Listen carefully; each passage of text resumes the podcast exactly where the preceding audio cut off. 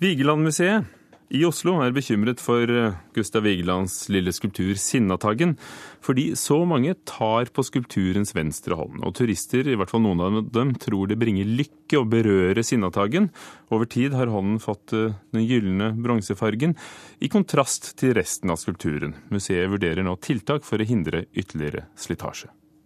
På overflata her så ser du ser du merke etter modelleringa til eh, Gustav Vigeland, og kanskje merke etter verktøy. Mens på hånda hans så er den for det første blitt helt blank og gul, og ser nesten sånn gullfarga ut. Og så er håndbaken blitt helt glatt. Så der er modelleringa i ferd med å bli helt borte. Skulpturkonservator ved Vigelandmuseet Ingebjørg Mogstad peker på Sinnataggen. Hånden til skulpturen av den sinte gutten på broen har fått en gyllen glans etter alle som har tatt på den. Mogstad forteller at slitasjen er større nå enn før. Skal vi se, Jeg har tatt med, har tatt med noen bilder her som viser hvordan Sinnataggen så ut eh, for noen år siden. Det første bildet her det er fra 1992. Det var da Sinnataggen ble stjålet.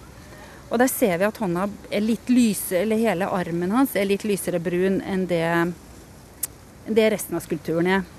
Og så ser vi i 2007 og 2009 har jeg bilder, og da er den eh, ganske jevnt brun, når du ser den litt på avstand i hvert fall.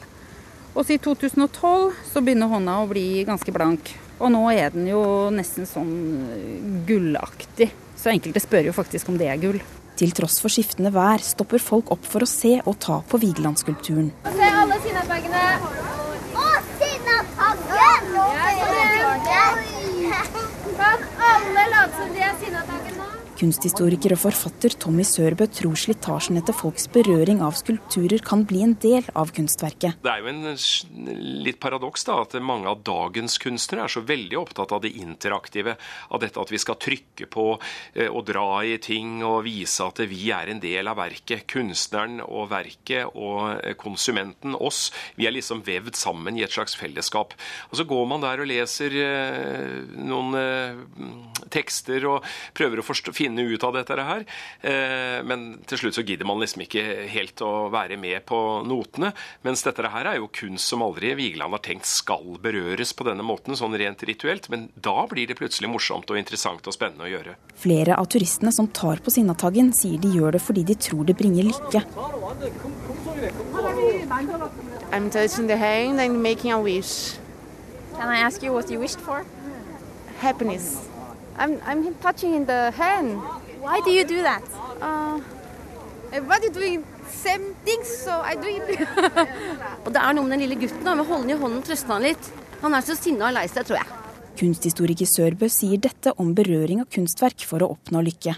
Altså, da, da, er vi over i magien. Altså At det å berøre en gjenstand, den er fylt av kraft, den har en energi. Og det å forholde seg til den på en eller annen måte, f.eks. gjennom berøring, det gjør at noe av denne kraften går over til deg. Konservator Mogstad sier museet har gitt hånden en kjemisk behandling for å beskytte Sinnataggen, og informert guidene om at turistene ikke skal berøre skulpturen. Å sette opp skilt eller sperre av området rundt skulpturen er andre alternativer som ifølge museet kan vurderes. Vi må jo vurdere først og fremst det bevaringsmessige, sett fra oss som konservatorer sitt ståsted.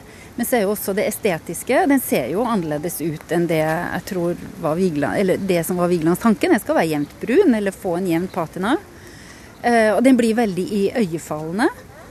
Og så er det også det etiske da, med hvordan vi skal håndtere problemet ut ifra hensynet til publikum. Det er jo et offentlig sted. Så folk eh, vil jo ha tilgang til alle skulpturer. Folk vil jo gjerne ta på.